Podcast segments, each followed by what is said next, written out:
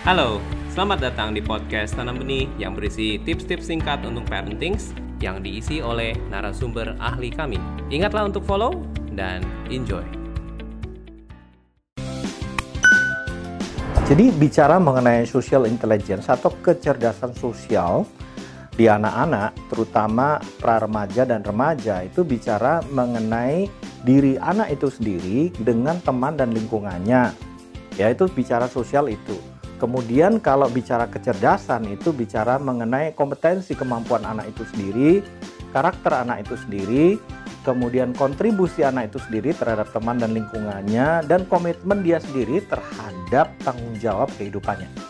Nah kalau digabung berarti anak-anak yang cerdas di dalam sosial adalah anak-anak yang mengetahui dirinya sendiri dengan kompetensi dan karakternya, kemudian dia juga memahami teman-temannya dan lingkungannya dan bisa berbaur, beradaptasi, dan bertanggung jawab terhadap kehidupan orang-orang dan lingkungan sekelilingnya. Kurang lebih semacam itu.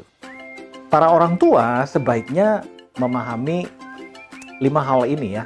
Bagaimana cara membuat anak-anak kita cerdas secara sosial melalui lima pengelolaan.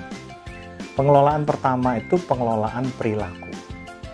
Ya. Pengelolaan kedua adalah pengelolaan emosi. Pengelolaan ketiga adalah pengelolaan etika dan respek anak itu. Ya, pengelolaan keempat adalah pengelolaan komunikasi yang efektif. Dan yang kelima yang terakhir adalah pengelolaan respon yang benar.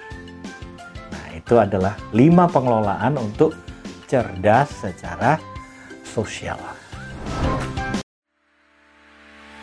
Anda baru saja memperluas pengetahuan parenting Anda. Follow podcast Tanah Benih di Spotify untuk terus mendapatkan update pengetahuan parenting.